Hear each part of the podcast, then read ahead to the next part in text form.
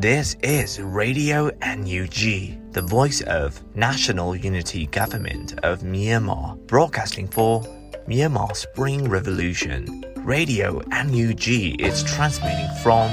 shortwave 16 meter 17.79 megahertz at 8:30 a.m. and 25 meter 11.94 megahertz at 8:30 p.m. Myanmar Standard Time. မင်္ဂလာပါခင်ဗျာ အမျိုးသားညီညွတ်ရေးအစိုးရရဲ့အတန်လွင့်ဌာန Radio NUG ကိုမနက်ပိုင်း၈နာရီခွဲမှာလိုင်းတို16မီတာ7.3 MHz ညပိုင်း၈နာရီခွဲမှာလိုင်းတို25မီတာ17.6 MHz တို့မှာဓာတ်ရိုက်ဖမ်းယူနိုင်နိုင်ပါပြီမင်္ဂလာအပေါင်းနဲ့ပြည့်စုံကြပါစေအခုချိန်ကစပြီး Radio NUG အစီအစဉ်တွေကိုဓာတ်ရိုက်အတန်မြင့်ပေးနေပါပြီ။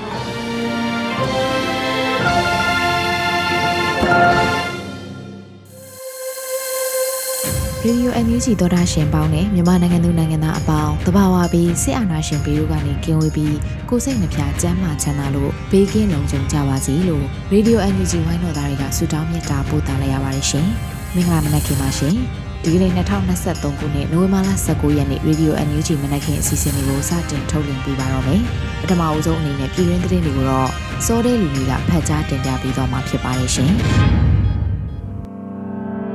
မင်္ဂလာပါခင်ဗျာ။ ခုချိန်ရစပြီး2023ခုနှစ်နိုဝင်ဘာလ19ရက်နေ့မနက်ခင်းပြည်တွင်သတင်းများကိုတင်ပြပေးပါတော့မယ်ကျွန်တော်စောတဲလူနေပါပထမအဆုံးအနေနဲ့ KNY ပြည်နယ်မှာ UN နဲ့ INGO ဝန်ထမ်းများမိသားစုဝင်များအားဘေးကင်းစွာရွှေ့ပြောင်းပေးခဲ့သူအလုံးကို KNY ဂျာကာလာအုပ်ချုပ်ရေးကောင်စီ IEC နဲ့အမျိုးသားညီညွတ်ရေးဆိုရ NGO တို့ကအထူးပင်ကျေးဇူးတင်ကြောင်းထုတ်ပြန်လိုက်တဲ့သတင်းကိုတင်ပြပေးသွားပါမယ်။ DNA ပြည်နယ်မှာ UN နဲ့ INGO ဝန်ထမ်းများမိသားစုဝင်များဘေးကင်းစွာရွှေ့ပြောင်းပေးခဲ့သူအားလုံးကိုအထူးပင်ကျေးဇူးတင်ရှိကြောင်းအမျိုးသားညီညွတ်ရေးဆိုရာ NUG နဲ့ကရင်နီပြည်ခြားကာလအုပ်ချုပ်ရေးကောင်စီ IEC တို့ကနိုဝင်ဘာလ18ရက်နေ့မှာပူးတွဲကြေညာထုတ်ပြန်ခဲ့ပါတယ်။ကရင်ပြည်နယ်ရိုင်းကောမြို့အခြေဆိုင်ကမ္ဘာကုလသမဂ္ဂအဖွဲ့အစည်းများနဲ့အစိုးရမဟုတ်သောနိုင်ငံတကာအဖွဲ့အစည်းများနဲ့ ဝန်ထမ်းများနဲ့မိသားစုဝင်ပေါင်း228ဦးအားဘေးကင်းလုံခြုံစွာဖြင့်ပြောင်းရွှေ့နိုင်ရေးအတွက်ရှေ့တန်းတွင်တိုက်ပွဲဝင်နေကြသည်။ KNB တော်လှန်ရေးတပ်ပေါင်းစုံမှစစ်စင်ရေးမှုများ KNB ဂျာကာလာအုပ်ချုပ်ရေးကောင်စီ IEC နဲ့မြို့သားညညရေးဆိုရ NUG တို့အကြားညှိနှိုင်း၍ပြစ်ခတ်တိုက်ခိုက်မှုကိုလျှော့ချကာစီစဉ်ပေးခဲ့ကြတယ်လို့ဖော်ပြထားပါတယ်။ ထို့သောစီစဉ်ပေးမှုကြောင့်အထက်ပါ UN နဲ့ INGO ဝန်ထမ်းများမိသားစုဝင်များပါဝင်သောမော်တော်ယာဉ်33စီးပါရင်နှန်းဟာလိုင်ကော်မြို့မှထွက်ခွာပြီးတောင်ကြီးမြို့သို့ဘေးကင်းလုံခြုံစွာရွှေ့ပြောင်းနိုင်ခဲ့တယ်လို့သတင်းရရှိထားပါတယ်။ထို့ကဲ့သို့ UN နဲ့ INGO ဝန်ထမ်းများ၏ဝန်ထမ်းများနဲ့မိသားစုဝင်များဘေးကင်းလုံခြုံစွာထောက်ခံနိုင်ခဲ့တော်လဲလိုင်ကော်မြို့တွင်ပိတ်မိနေတဲ့ပြည်သူများကြန့်ရှိဆဲဖြစ်ပြီးအန်ဒီရဲဇုံတွင်ရှိနေကြဆဲဖြစ်ပါတယ်။ဒါအပြင်ဘေးလွတ်ရာသို့စစ်ဘေးရှောင်နေကြရတဲ့ ပြည်သူဥယေ3000ခွဲကျော်အတွက်အခြေခံစားနပ်ရိက္ခာစေဝါအမိုးအကာများလည်းအရေးပေါ်လိုအပ်နေတယ်လို့ဆိုပါတယ်။ပြည်သူများရဲ့အရေးပေါ်လိုအပ်ချက်အတွက် UN ပါဝင် INGO များအနေဖြင့်နေဆက်ဖြတ်ကျော်အကူအညီပေးရေးအစီအစဉ်များကိုလက်တွေ့အကောင့်ထဲပေါ်ရန်လိုအပ်ပြီးအကြံဖက်စစ်ကောင်စီတပ်ဖွဲ့များအနေဖြင့်လိုင်ကော်မြို့တွင်ပိတ်မိနေသောပြည်သူများကိုဘေးလွတ်ရာသို့ထွက်ခွာခွင့်ပေးရန်လိုအပ်တယ်လို့ဆိုထားပါတယ်။မြေပြင်တွင်ကုညီဆောင်ရွက်ပေးခဲ့ကြတဲ့ PNP တော်လိုင်းရေးတပ်ပေါင်းစုံနဲ့လူမှုအခြေပြုအဖွဲ့အစည်းများအားလုံးကို မြို့သားညီညွတ်ရေးဆိုရ NUG နဲ့ကရင်ပြည်ဂျားကာလာအုပ်ချုပ်ရေးကောင်စီ IEC တို့ကအထူးပင်ကျေးဇူးတင်ရှိကြောင်းသတင်းထုတ်ပြန်ထားပါတယ်ခင်ဗျာဆက်လက်တင်ပြပေးမှာကတော့ရှမ်းပြည်မြောက်ပိုင်းစစ်ပေးဆောင်ပြည်သူများအတွက်လူသားချင်းစာနာထောက်ထားမှုအကူအညီများဆက်လက်ထောက်ပံ့ပေးလျက်ရှိတဲ့သတင်းပဲဖြစ်ပါတယ်အမျိုးသားညီညွတ်ရေးဆိုရာလူသားချင်းစာနာထောက်ထားရေးနဲ့ဘေးအန္တရာယ်ဆိုင်ရာစီမံခန့်ခွဲရေးဝန်ကြီးဌာနအနေနဲ့အရက်သားပြည်သူများထိခိုက်ခံစားမှုအ ਨੇ ဆုံးဖြစ်စေရန်အတွက်လက်ရှိရှမ်းပြည်နယ်မြောက်ပိုင်းမှာဖြစ်ပွားလျက်ရှိသည့်တိုက်ပွဲများအတွင် နေရဆုံးခွာထွက်ပြေးတိမ်းရှောင်နေရသည့်ပြည်သူများနဲ့ကြာဆုံးထိခိုက်ဒဏ်ရာရရှိသူများကိုလူသားချင်းစာနာမှုအကူအညီများပံ့ပိုးပေးလျက်ရှိခဲ့ရမှာ2023ခုနှစ်နိုဝင်ဘာလ16ရက်နေ့အထိလူသားချင်းစာနာအကူအညီထောက်ပံ့မှုဖြင့်စုစုပေါင်းငွေကျပ်309သိန်း5000ကျပ်ကိုလူသားချင်းစာနာထောက်ထားရေးနဲ့ဘေးရန်နယ်ဆိုင်ရာစီမံခန့်ခွဲရေးဝန်ကြီးဌာနကထောက်ပံ့ပေးခဲ့ပြီးဆက်လက်ရည်လည်းထောက်ပံ့မှုများကိုဆောင်ရွက်ပေးလျက်ရှိပါတယ်။ ရှမ်းပြည်မြောက်ပိုင်းမှာအောက်တိုဘာလ29ရက်နေ့မှစတင်ပြီးညီနောင်မဟာမိတ်၃ဘွဲကစတင်ခဲ့တဲ့တတုံညနှစ်ခွန်စစ်စင်ရေးနေ့တူ PDF ပူးပေါင်းတပ်များကပါစစ်စင်ရေးမှာနေရာနှံ့ကတိုက်ပွဲဝင်ပါဝင်လျက်ရှိရာမြန်မာနိုင်ငံအတွင်းချိန်ကိုက်ပူးပေါင်းစစ်စင်ရေးများမှလည်းအောင်မြင်မှုမှဆက်လက်ရရှိလျက်ရှိပါတယ်။ ထို့အပြင်လက်တလောစစ်ရှိန်မြင့်နေသည့်မြန်မာနိုင်ငံအဝန်းနေရာအနှံ့ပြရှိဒေသများဖြစ်သောကချင်ပြည်နယ်၊ချင်းပြည်နယ်၊ကရင်ပြည်နယ်၊ကရင်ပြည်နယ်၊စကိုင်းတိုင်း၊မကွေးတိုင်း၊မန္တလေးတိုင်း၊ပဲခူးတိုင်းနဲ့တနင်္သာရီတိုင်းတို့တွင်လည်းအရေးပေါ်လူသားချင်းစာနာမှုအကူအညီများထောက်ပံ့ပေးလျက်ရှိပြီးဒေါ်လာရင်းကာလအတွင်းပြည်သူများလုံခြုံစွာနေထိုင်နိုင်ရေးအတွက်ကြိုတင်ပြင်ဆင်ထားရမည်နယူးတော်လိုင်းရေးပြည်သူလက်ဆွဲပါချက်လက်များကိုတိုက်တွန်းမှုများဆောင်ရွက်လျက်ရှိတယ်လို့ဆိုထားပါတယ်ခင်ဗျာအ မျိုးသားညီညွတ်ရေးဆိုရာကျန်းမာရေးဝန်ကြီးဌာနအနေနဲ့လုပ်ငန်းဆောင်ရွက်ချက်များအားပြည်အောင်စုလွှတ်တော်ကိုစားပြုကော်မတီပုံမှန်လုပ်ငန်းညှိနှိုင်းအစည်းအဝေးတွင်ရှင်းလင်းတင်ပြခဲ့တဲ့သတင်းကိုဆက်လက်တင်ပြပေးသွားပါဦးမယ်။အမျိုးသားညီညွတ်ရေးဆိုရာကျန်းမာရေးဝန်ကြီးဌာနအနေနဲ့လုပ်ငန်းဆောင်ရွက်ချက်များအားပြည်ထောင်စုလွှတ်တော်ကိုစားပြုကော်မတီပုံမှန်လုပ်ငန်းညှိနှိုင်းအစည်းအဝေးတွင်နိုဝင်ဘာလ18ရက်နေ့မှာဗီဒီယိုကွန်ဖရင့်မှတဆင့်ရှင်းလင်းတင်ပြခဲ့ပါတယ်။ အစည်းအဝေးမှာပြည်ထောင်စုလွှတ်တော်ကိုစားပြုကော်မတီဥက္ကဋ္ဌကအဖွဲ့မှစကားပြောကြားရာမှာမြေပြင်လွှတ်တော်ကိုယ်စားလှယ်များနဲ့ဝန်ကြီးဌာနတို့ချိတ်ဆက်ဆောင်ရွက်နိုင်ရန်လိုအပ်ကြောင်းမြေပြင်စုံမှုမှုများလာသည့်နဲ့အမျှဆောင်ရွက်ရန်လုပ်ငန်းများလည်းများပြားလာပါကြောင်းဝန်ကြီးအနေဖြင့်နိုင်ငံတကာနဲ့ပြည်တွင်းရှိမြန်မာအခြေအနေများအတွက်ဆောင်ရွက်ထားမှုများကိုကိုယ်စားလှယ်များသိရှိစေရန်မိတို့မိဘုံဆောင်ရွက်နေသည်ကိုမျှဝေပေးရန်ဖြစ်ပြီးထို့သောသိရှိခြင်းအပြင်မိမိတို့အနေဖြင့်ဆက်လက်ပူးပေါင်းဆောင်ရွက်နိုင်မည်ဖြစ်ကြောင်း NUG အနေဖြင့်နိုင်ငံတကာကိုမိတို့သတင်းစကားပေးနေသည်နှင့်လွှတ်တော်အနေဖြင့်လည်းမိတို့ပူးပေါင်း၍သတင်းစကားပါရမည်ကိုဆွေးနွေးစေလိုပါကြောင်းပြောကြားခဲ့ပါတယ်။အဲဒီနောက်ကျန်းမာရေးဝန်ကြီးဌာနပြည်ထောင်စုဝန်ကြီးဒေါက်တာဇော်ဝေဆိုးကဝန်ကြီးဌာနရဲ့လုပ်ငန်းစဉ်များဖြင့် Federal Health Policy ပေါ်ပေါက်လာစေရေးကြိုးပမ်းရာတွင်တိုင်းနယ်ပြည်နယ်များတွင်ကျန်းမာရေးဝန်ထမ်း4232ဦးဖြင့်စေယုံပေါင်း82ရုံအရေးပေါ် unit 389ခုမိုဘိုင်းကလင်းနစ်250ကျော်တို့အားအကောင့်ထဲပေါ်ဆောင်ရွက်နိုင်ခဲ့ကပြည်내အများစုတွင်အတိုင်းအမြန်ကောင်စီကျန်းမာရေးအဖွဲ့များအားလွှဲပေးပြီးတိုင်းများကိုသာဓာတ်ရိုက်ဆောင်ရွက်နေမှုများကျန်းမာရေးအသုံးစရိတ်အခြေအနေများစိတ်ကျန်းမာရေးဆိုင်ရာဝန်ဆောင်မှုလုပ်ငန်းများပြည်သူ့ကျန်းမာရေးအသိပညာပေးဆိုင်ရာဝန်ဆောင်မှုလုပ်ငန်းများကိုပြည့်စုံစွာရှင်းလင်းပြောကြားခဲ့ပါတယ်။ အစည်းအဝေးသို့ပြည်ထောင်စုလွှတ်တော်ကိုစားပြုကော်မတီဥက္ကဋ္ဌနဲ့အဖွဲ့ဝင်များရေးရာကော်မတီများမှအဖွဲ့ဝင်များကျန်းမာရေးဝန်ကြီးဌာနမှပြည်ထောင်စုဝန်ကြီးနဲ့တာဝန်ရှိသူများတက်ရောက်ခဲ့ကြတယ်လို့ပြည်ထောင်စုလွှတ်တော်ကိုစားပြုကော်မတီထံကသတင်းရရှိထားပါတယ်ခင်ဗျာ။ကလေးတငယ်ခွင့်ရေးတွေကိုတကမ္ဘာလုံးကကြိုးပမ်းလှုပ်ဆောင်နေတဲ့ကာလမှာမြန်မာနိုင်ငံကကလေးတငယ်တွေကအကြမ်းဖက်စစ်အုပ်စုရဲ့အကြမ်းဖက်မှုမျိုးစုံကိုရင်ဆိုင်နေရတဲ့တဲ့ရင်ကိုဆက်လက်တင်ပြပေးသွားပါအောင်မယ်။အ ဆိုပါတဲ့ရင်ကိုလူခွင့်ရေးဆိုင်ရာပြည်ထောင်စုဝန်ကြီးဦးအောင်မျိုးမင်းကဆိုရှယ်မီဒီယာမှာပြောကြားခဲ့တာဖြစ်ပါတယ်။နိုဝင်ဘာလ20ရက်နေ့ဟာကမ္ဘာကလေးတငယ်များနေ့ဖြစ်ပါတယ်။ကလေးငယ်တို့ရဲ့အခွင့်အရေးတွေကိုလေးစားကြဖို့အတွက်တကမ္ဘာလုံးကကြိုးပမ်းလှုပ်ဆောင်နေတဲ့ဒီကာလအတွင်းမှာမြန်မာနိုင်ငံကကလေးငယ်တွေကတော့အကြမ်းဖက်ဆဲအုပ်စုရဲ့အကြမ်းဖက်မှုမျိုးစုံကိုရင်ဆိုင်နေကြရပါတယ်။အသက်အန္တရာယ်ကိုထိခိုက်ခံစားနေရသလိုစိတ်ပိုင်းဆိုင်ရာဖိစီးမှုတွေလည်းရင်ဆိုင်ခံစားလျက်ရှိပါတယ်လို့ဝန်ကြီးကဆိုထားပါတယ်။ လက်ရှိမြန်မာနိုင်ငံမှာရှိနေတဲ့ကလေးငယ်တွေရဲ့လက်ရှိအခြေအနေတွေသူတို့မြင်ကျင်တဲ့အနာဂတ်အိမ်မက်တွေကိုဖော်ပြနိုင်တဲ့ပကြီးပြပွဲတစ်ခုကိုကျင်းပလျက်ရှိကဒုက္ခသည်စခန်းတွေပရိပခဒေသတွေရွှေ့ပြောင်းကျောင်းတွေကကလေးများပါဝင်ရှင်ပြိုင်ခဲ့တယ်လို့သိရှိရပါတယ်ခင်ဗျာဆက်လက်တင်ပြပေးမှာကတော့ຫນွေဦးတော်လှန်ရေးမှာစစ်ကောင်စီအကြောင်းဆုံးကပြည်တွင်းပြဒရုန်းတွေပဲဖြစ်တယ်လို့ပြည်ထောင်စုဝန်ကြီးဦးထင်အောင်ပြောကြားလိုက်တဲ့သတင်းပဲဖြစ်ပါတယ်။ နေဦးတော်လိုင်းရေးမှာစစ်ကောင်စီအကြောက်ဆုံးကပြည်တွင်းပြဒရုန်းတွေပဲဖြစ်တယ်လို့ပြည်ထောင်စုဝန်ကြီးဦးထင်အောင်ကမေးမြန်းခန်းတစ်ခုမှဆိုခဲ့ပါတယ်။တော်လိုင်းရေးမှာတော့အခုလက်ရှိစစ်ကောင်စီအကြောက်ဆုံးကကျွန်တော်တို့ရဲ့ပြည်တွင်းပြဒရုန်းတွေပါပဲလို့ဝန်ကြီးကပြောထားပါတယ်။လက်ရှိမှာပြည်သူ့ခုခံစစ်ကာလအတွင်းစစ်ကောင်စီတပ်ဖွဲ့ဝင်3000ကျော်တိတ်ဆုံးခဲ့ပြီး၎င်းတို့ထဲမှာ drone တိုက်ခိုက်မှုကြောင့်တိတ်ဆုံးသူများလည်းပါဝင်ပါတယ်။ကျွန်တော်တို့ Federal Wings ပဲပြောပြောအခြားသော drone အဖွဲ့ဝင်တွေပဲပြောပြောအစိတ်အပိုင်းတွေကိုကျွန်တော်တို့ကိုယ်တိုင်တီထွင်ထားတာတွေပါဝင်ပါတယ်။ ပြန်ပြီး modify လုပ်ထားတာတွေရှိပါတယ်။အထူးသဖြင့်သူတို့ရဲ့ဂျမ်မာတွေကိုကြော်နိုင်အောင်ပြန်ပြီး reverse engineering လုပ်ထားတဲ့ကိစ္စတွေရှိပါတယ်။ဒီလိုမျိုးဤပညာအသာနဲ့ကျွန်တော်တို့ကတိုက်နိုင်နေတဲ့အတွက်စစ်ကောင်စီကကျွန်တော်တို့ရဲ့ Federal Wing ဆိုရင်ဖိနှုံအောင်ကြောက်နေကြတာဖြစ်ပါတယ်။သူတို့ရဲ့ဂျမ်မာတွေကကျွန်တော်တို့ရဲ့ Federal Wings တွေကိုတားဆီးနိုင်တဲ့အနေအထားမျိုးမရှိဘူး။ဖြိုဖျက်နိုင်တဲ့အနေအထားလည်းမရှိဘူးလို့ဝင်းကြီးဦးထင်လျောင်းကထပ်လောင်းပြောကြားခဲ့ပါတယ်။ Federal Wings ရဲ့2023ခုနှစ်ပထမ6လတာအတွက်ပြည်သူအားအစီရင်ခံစာအရ 2023ခုနှစ်ပထမ6လတာအတွင်း drone ပြန်တမ်းမှုစစ်ဆင်မှုပေါင်း282ကြိမ်ဖြင့်တိုက်ပွဲဝင်နိုင်ခဲ့ပြီးဘုံဒီမျိုးစားမျိုးစုံ680ခန့်အသုံးပြုခဲ့ပါတယ်။အဆိုပါတိုက်ခိုက်မှုများတွင်အကြမ်းဖက်စစ်ကောင်စီအဖွဲ့ဝင်90ခန့်ထိခိုက်ဒေဆုံးခဲ့ပြီးထိခိုက်ဒဏ်ရာရရှိမှုအများများရှိခဲ့ကြောင်းစစ်မြေပြင်သတင်းများအရသိရှိရပါတယ်ခင်ဗျာစိတ်လူမှုထောက်ပံ့ရေးအဖွဲ့နှစ်နှစ်ပြည့်အခမ်းအနားကျင်းပတဲ့တဲ့တင်ကိုဆက်လက်တင်ပြပေးသွားပါမယ်။ စိတ်လူမှုထောက်ပံ့ရေးအဖွဲ့နှစ်နှစ်ပြည့်အခမ်းအနားကိုနိုဝင်ဘာလ16ရက်နေ့မှာကျင်းပခဲ့ရာပြည်ထောင်စုဝန်ကြီးဒေါက်တာဇော်ဝေဆိုပြည်ထောင်စုဝန်ကြီးဒေါက်တာဝင်းမြတ်၏ဦးမင်းကိုနိုင်တို့တက်ရောက်ခဲ့တယ်လို့သတင်းရရှိထားပါတယ်။အခမ်းအနားမှာပြည်ထောင်စုဝန်ကြီးဒေါက်တာဇော်ဝေဆိုးကပြောကြားရမှာစိတ်ပိုင်းဆိုင်ရာနဲ့ဆိုရှယ်လူမှုရေးပိုင်းမှာအကျိုးသက်ရောက်မှုနဲ့လိုအပ်ချက်များကြောင့် PSSTF ပေါ်ပေါက်ခဲ့ရကြောင်း PSSTF အနေနဲ့နှစ်နှစ်တာကာလအတွင်းတတိုင်းပြည်လုံးထိတာမှာကနေဆက်အထိပါပေါက်ရောက်အောင်ဆောင်ရွက်ပေးခဲ့တဲ့အတွက်ကျေးဇူးတင်ကုန်ရကြောင်းဝန်ကြီးကဆိုထားပါတယ်။ ဒါအပြင်ပြည်ထောင်စုဝန်ကြီးဒေါက်တာဝင်းမြတ်အေးကပြောကြားခဲ့ရမှာတော်လိုင်းအင်အားစုများရဲ့စစ်အင်အားဟာစိတ်အင်အားဖြစ်ပြီးအခုချိန်မှာစိတ်အင်အားချိနဲ့သွားသူမှာအကြမ်းဖက်စစ်တပ်ဘက်ကဖြစ်ကြောင်းပြောဆိုခဲ့ပါတယ်ခင်ဗျာကောလင်ခရိုင်မြို့နယ်အတွင်းမှာ CDM လှုပ်ရှားမှုတွင်ပါဝင်ခဲ့တဲ့ဝန်ထမ်းများအားဖိတ်ခေါ်လိုက်တဲ့သတင်းကိုတင်ပြပေးသွားပါမယ်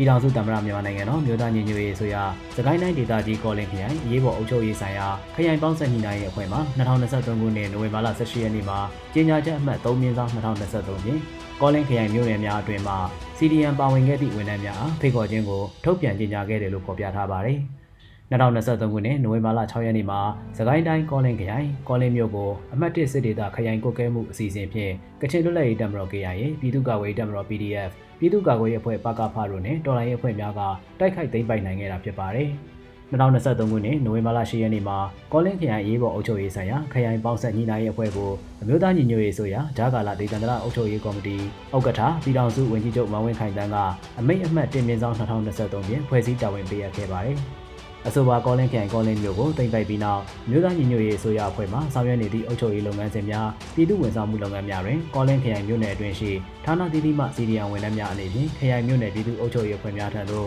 ဆက်သွယ်သတင်းပေးဖို့တာဝန်ထမ်းဆောင်နိုင်ပါကြောင်းအသိပေးဖိတ်ခေါ်ခြင်းများအပ်ပါတယ်လို့ဆိုထားပါတယ်ခင်ဗျာ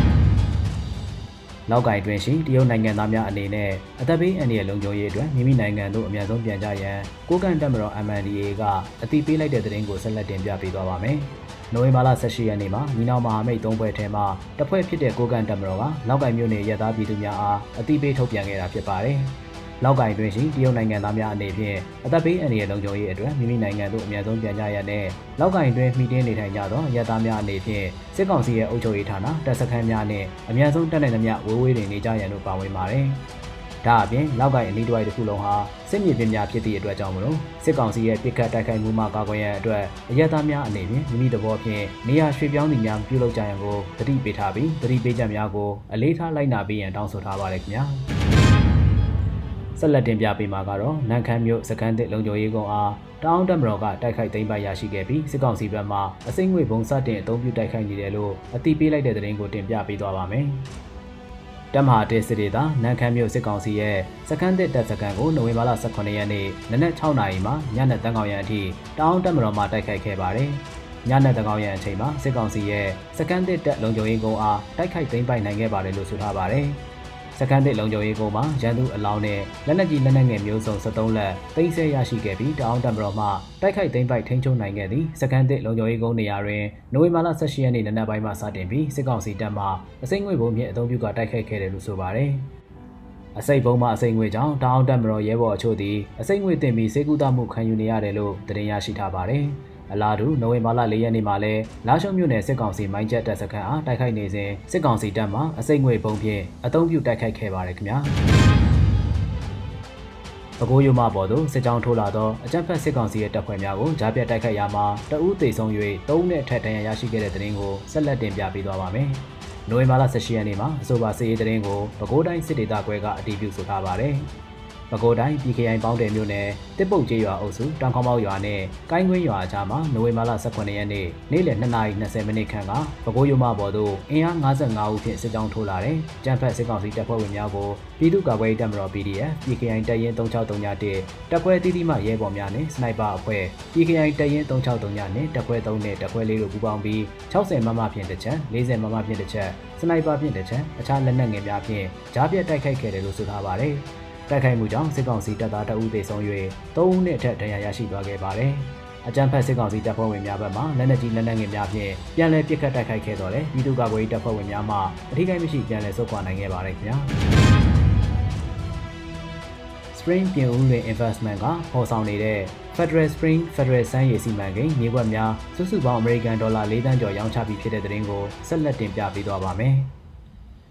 အဆိုပါသတင်းကိုနိုဝင်ဘာလ18ရက်နေ့မှာ EOD ကတရားဝင်အသိပေးဆိုထားပါတယ်။ Spring ပြင်ဦးလွင် Investment ကဖော်ဆောင်နေတဲ့ Federal Spring Federal စမ်းရည်စီမံကိန်းမြေကွက်များရဲ့စုစုပေါင်းရောင်းချပြီးခဲ့သောပမာဏမှာဒေါ်လာ၄တန်းကျော်သို့ရောက်ရှိသွားပြီဖြစ်ကြောင်းအသိပေးအပ်ပါတယ်လို့ဆိုထားပါတယ်။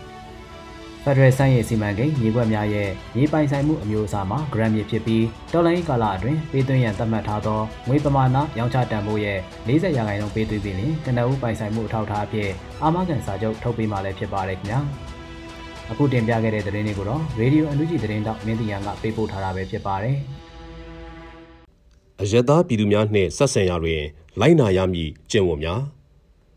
၁အယက်သားပြည်သူများအား ရိုသေစွာဆက်ဆံရမည်၂အယက်သားပြည်သူများအပေါ်မောက်မာရိုင်းပြခြင်းစော်ကားခြင်းအနိုင်ကျင့်နှိပ်စက်ခြင်းမူးယစ်ရန်ကားခြင်းမပြုရ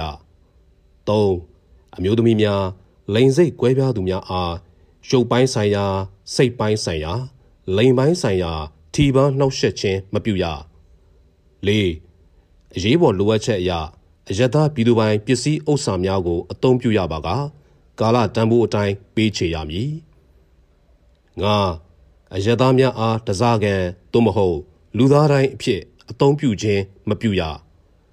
6ကလေးသူငယ်များမတန်ဆွမ်းသူများအမျိုးသမီးများတကြီးရွယ်အိုများစသည့်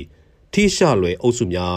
vulnerable groups အားအထူးကာကွယ်စောင့်ရှောက်ပြီးလိုအပ်သည့်အကူအညီများပေးရမည် အခုနားဆင်ခဲ့ကြရတာကတော့ပြည်တွင်းသတင်းတွေပဲဖြစ်ပါတယ်။အခုဆက်လက်ပြီးတော့နှွေဦးတော်လှန်ရေးပြည်သူလက်ဆွဲအခန်းတစ်မှာတော်လှန်ရေးကာလအတွင်းပြည်သူများလုံခြုံစွာနေထိုင်နိုင်ရေးနဲ့ပတ်သက်လို့စောင့်ရန်ရှောင်ရန်အချက်တွေကိုပိုင်ဖြိုးသူကပြောပြပေးမှာဖြစ်ပါတယ်ရှင်။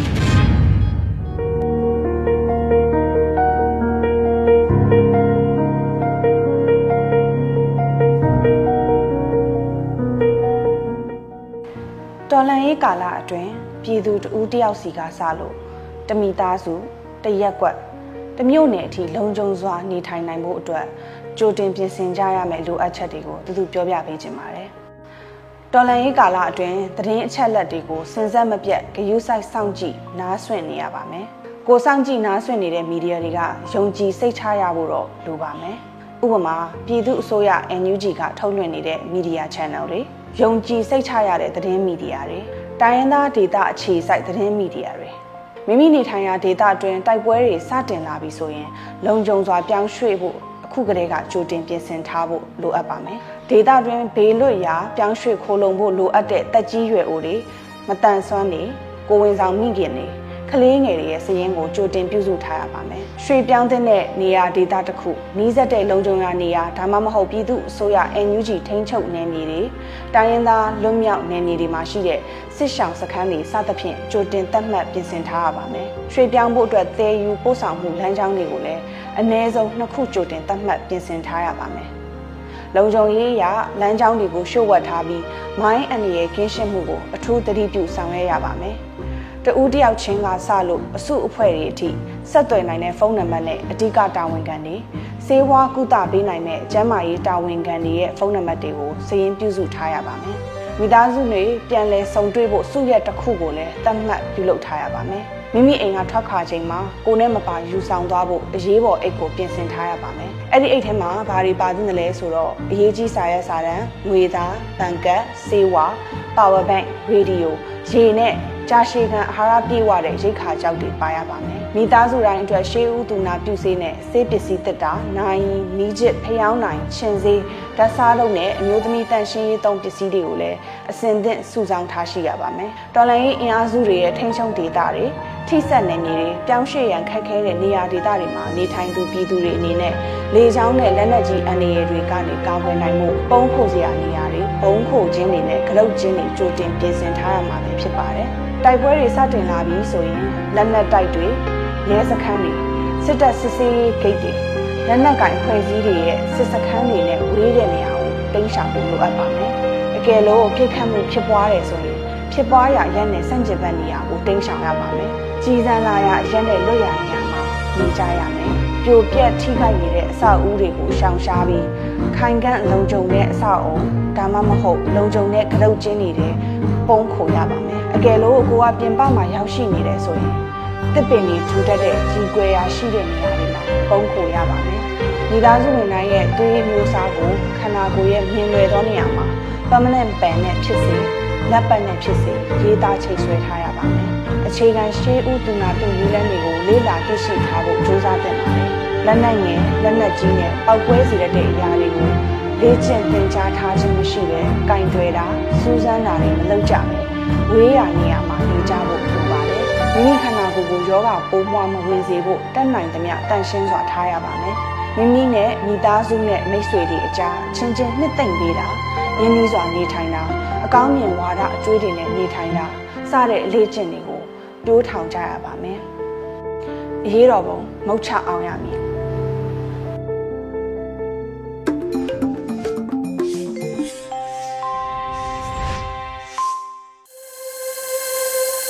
တော်တာရှင်များရှင်အခုဆက်လက်ပြီး PVTV ရဲ့နေ့စဉ်သတင်းတွေကိုတော့ Brain ကတင်ဆက်ပေးသွားမှာဖြစ်ပါရဲ့ရှင်ပထမဆုံးအနေနဲ့တင်ဆက်ပေးမှာကတော့အကြံဖတ်စစ်ကောင်စီလက်အောက်ခံအဖွဲ့အစည်းတွေကနိုင်ငံပိုင်ပစ္စည်းတွေကိုထုခွဲရောင်းချတာငှားရမ်းတာနဲ့အခြားနည်းနဲ့ဆောင်ရွက်နေတာတွေကတရားဝင်မှုမရှိဘူးလို့မြို့သားညိုရေးအစိုးရကထုတ်ပြန်အသိပေးလိုက်တဲ့သတင်းဖြစ်ပါတယ်။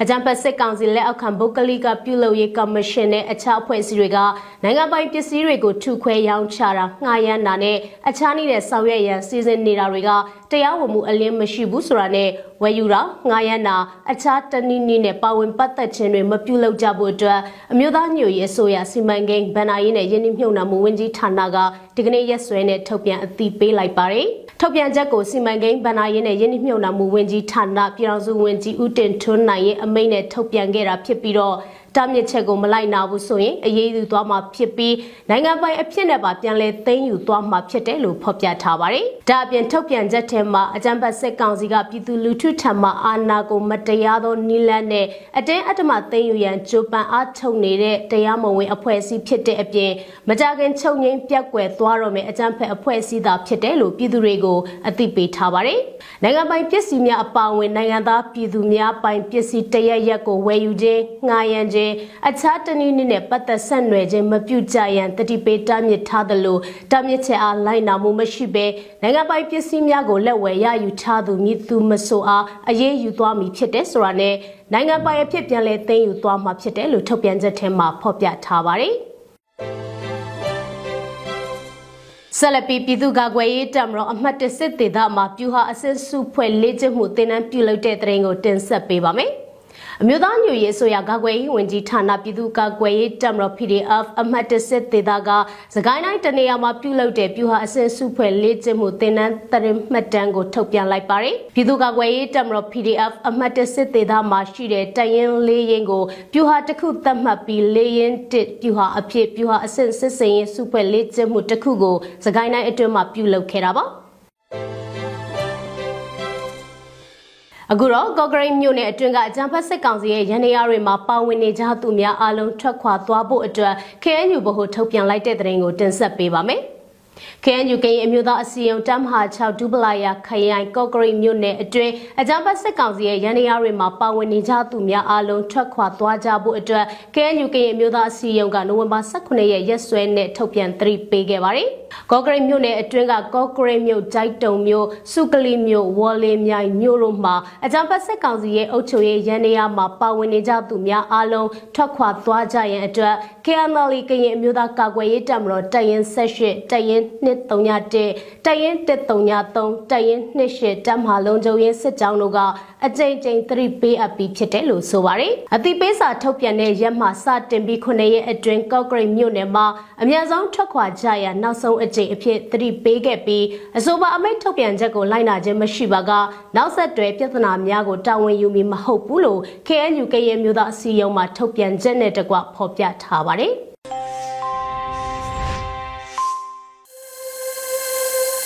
ရေဒီယိုအန်ယူဂျီမှာဆက်လက်အသံလွှင့်နေပါတယ်ရှင်။ အခုဆက်လက်ပြီးတိုင်းနာဘာသာစကားအစီအစဉ်အနေနဲ့ချိုးချင်းဘာသာစကားခွဲတစ်ခုဖြစ်တဲ့မွန်ဘာသာနဲ့သတင်းထုတ်လွှင့်မှုကိုနားဆင်ကြရမှာပဲဖြစ်ပါတယ်။ဒီအစီအစဉ်ကိုတော့ရေဒီယိုအန်ယူဂျီနဲ့ချိုးချင်းဘာသာထုတ်လွှင့်မှုအဖွဲ့တို့ကပူးပေါင်းတင်ဆက်ထားတာဖြစ်ပါတယ်ရှင်။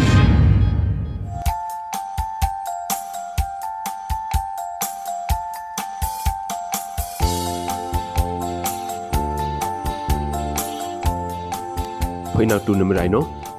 အတူငွယ်ကုကုမ်ဖရမ်ကူလမ်ကူလိထုမ်မပလက်ချာရှလိကုဟုမ်ငထူရီမိငိုင်ဘခါနီတူငွယ်မိငိုင်ဘန်ထူရီလေကျူမတူပီကိုဝီလူဘီရိုယာ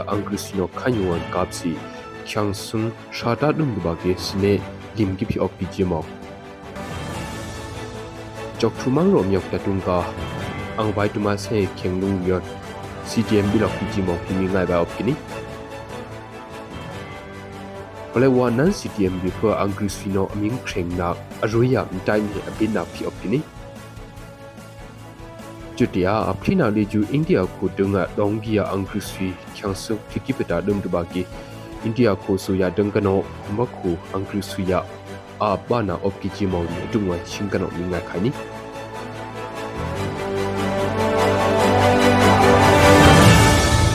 မတူပီကိုဝေလူပီရောယုံ ဘလက်ချာရှလင်းဟာကုမဒုံဟင်ခိခရစ်လဘုံအင်္ဂရိစီနိုခန်ယုံဟီယွန်ကပ်စီချန်ဆုံရှာတာဒုံဒဘကိစုကီဂျာပရက်ကွီနီအဂျနုံအမ်ဟောချန်ဆုခရီလာပါမီ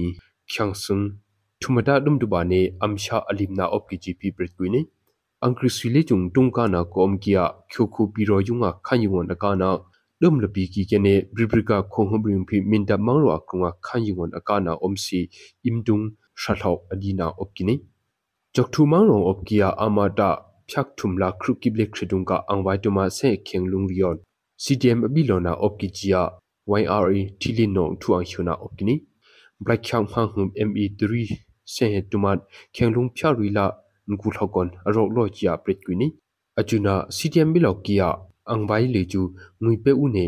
om na wai jumpi me pi na opki chia yre thilin dang kan opkini คิวคูเบลวามังรงนันซีดีเอ็มเรียพัวอมิงเครงนักอรุยามตายเนปิดนาอบกิจยาอังกฤษฟิโนเบรนลอกนี่เบลวาลาระคังคูมังโรอัมชายุงเลจูนันซีดีเอ็มเรียพัวงุยเรียมิงเครงนักมตายเนมบริบริกาออกดูบังหุคยาชลิกพิงหมมทวงชัวอยากนี่ชินแลนด์ดิเฟนฟอร์สเบลวานเลจูอังกฤษยากุดกังบีบิกิยาซีดีเอ็มเอ็มบีโลปายามบริบริกาคงหุบริยุงมทวงชัวนักบ่าวอบกินี่ Angrisino ashina tu angshonali ju khogum pram gulam guliktum October phukya November blakya la December khikya yung khyak thuma krong apina opkhaji apritkini recorder mangrong opkia Angrusia omna chinni shine army la sehe ko ra kang umri no amira vaya mituk na kung mizoram khodang dongkia Angrusui khyangsa phliki bada dum tu ba gele ju mizoram palim umri no pang une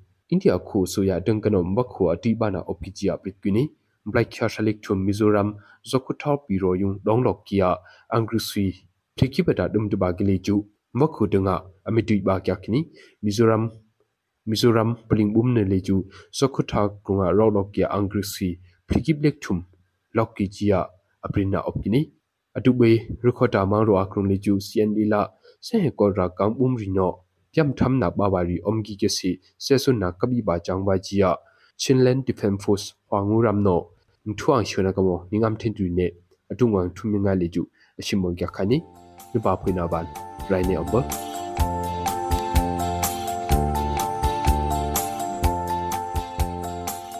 ခကုမ်တန်စီမဘခိုယုံခေငလုပွိုင်ရီဖွာခေငအကဒမ်အစနာအလင်နာအပကိနီ လမ်မိုင်းစလာကက်ဆက်ထေဂယာခေငလုံရီလေကျူအန်လုံကဒငုနေအန်ထရာနာအပကိနီ chun riju angsho aglum okulum akhang ambutchia aming khrana opkini ngö vai kene aloka ton du tung kek thigri ne le mainsla khengluk poi ri le ju ajaw aming tung ka na mana amhun riyung atuk bak thru aming tung ka na ka amhun riyung huning ne ajun riya hunung rok agya gung khengluk poi ri ju a iya kya uno chia ngai na vai thu khani kek sak the kia khengluk poi rila lem main suri yap na ra ro na sungon tau na miom khi na ri kabi vai ngơ vaya akduma kek the une khyang ri amilin vai amin hun amai vaya kyak sak hingini nanga om naka pe yunga ngơ vaya achun moi moi ri nhu akya kung ahi khyanga nam thin tu vai chuna ga kene nanga phoping ơ vai ka kyak hang le chu bai nak tumat bine achuna monglam ri msi kya angbuma namthin ba ဒီကနေ့ကတော့ဒီညနေပဲ Radio NUG ရဲ့အစည်းအဝေးကိုခਿੱတရနာလိုက်ပါမယ်မြန်မာစံတော်ချိန်မနက်၈နာရီခွဲနဲ့ည၈နာရီခွဲအချိန်တွေမှာပြန်လည်ဆုံးဖြတ်ကြပါစို့ Radio NUG ကိုမနက်ပိုင်း၈နာရီခွဲမှာလိုင်းဒို16မီတာစက္ကန့်တသမ9 MHz ညပိုင်း၈နာရီခွဲမှာလိုင်းဒို25မီတာ17သမ6 MHz တို့မှာဓာတ်ရိုက်ဖမ်းယူနားဆင်နိုင်ပါပြီမြန်မာနိုင်ငံသူနိုင်ငံသားများကိုစိတ်နှပြချမ်းမာချမ်းသာလို့ဘေးကင်းလုံခြုံကြပါစေလို့ Radio NUG အဖွဲ့သူအဖွဲ့သားများကဆုတောင်းလိုက်ရပါတယ်။အမျိုးသားညီညွတ်ရေးအစိုးရရဲ့စက်သွေးရေးတရင်အချက်အလက်နဲ့ဤပညာဝန်ကြီးဌာနကထုတ်လွှင့်နေတဲ့ Radio NUG ဖြစ်ပါတယ်။ San Francisco Bay Area အခြေစိုက်မြန်မာမိသားစုများနဲ့ နိုင်ငံတကာကစေတနာရှင်များလုပ်အားပေးများရဲ့ Radio NUG ဖြစ်ပါတယ်။အရေးတော်ပုံအောင်ရမည်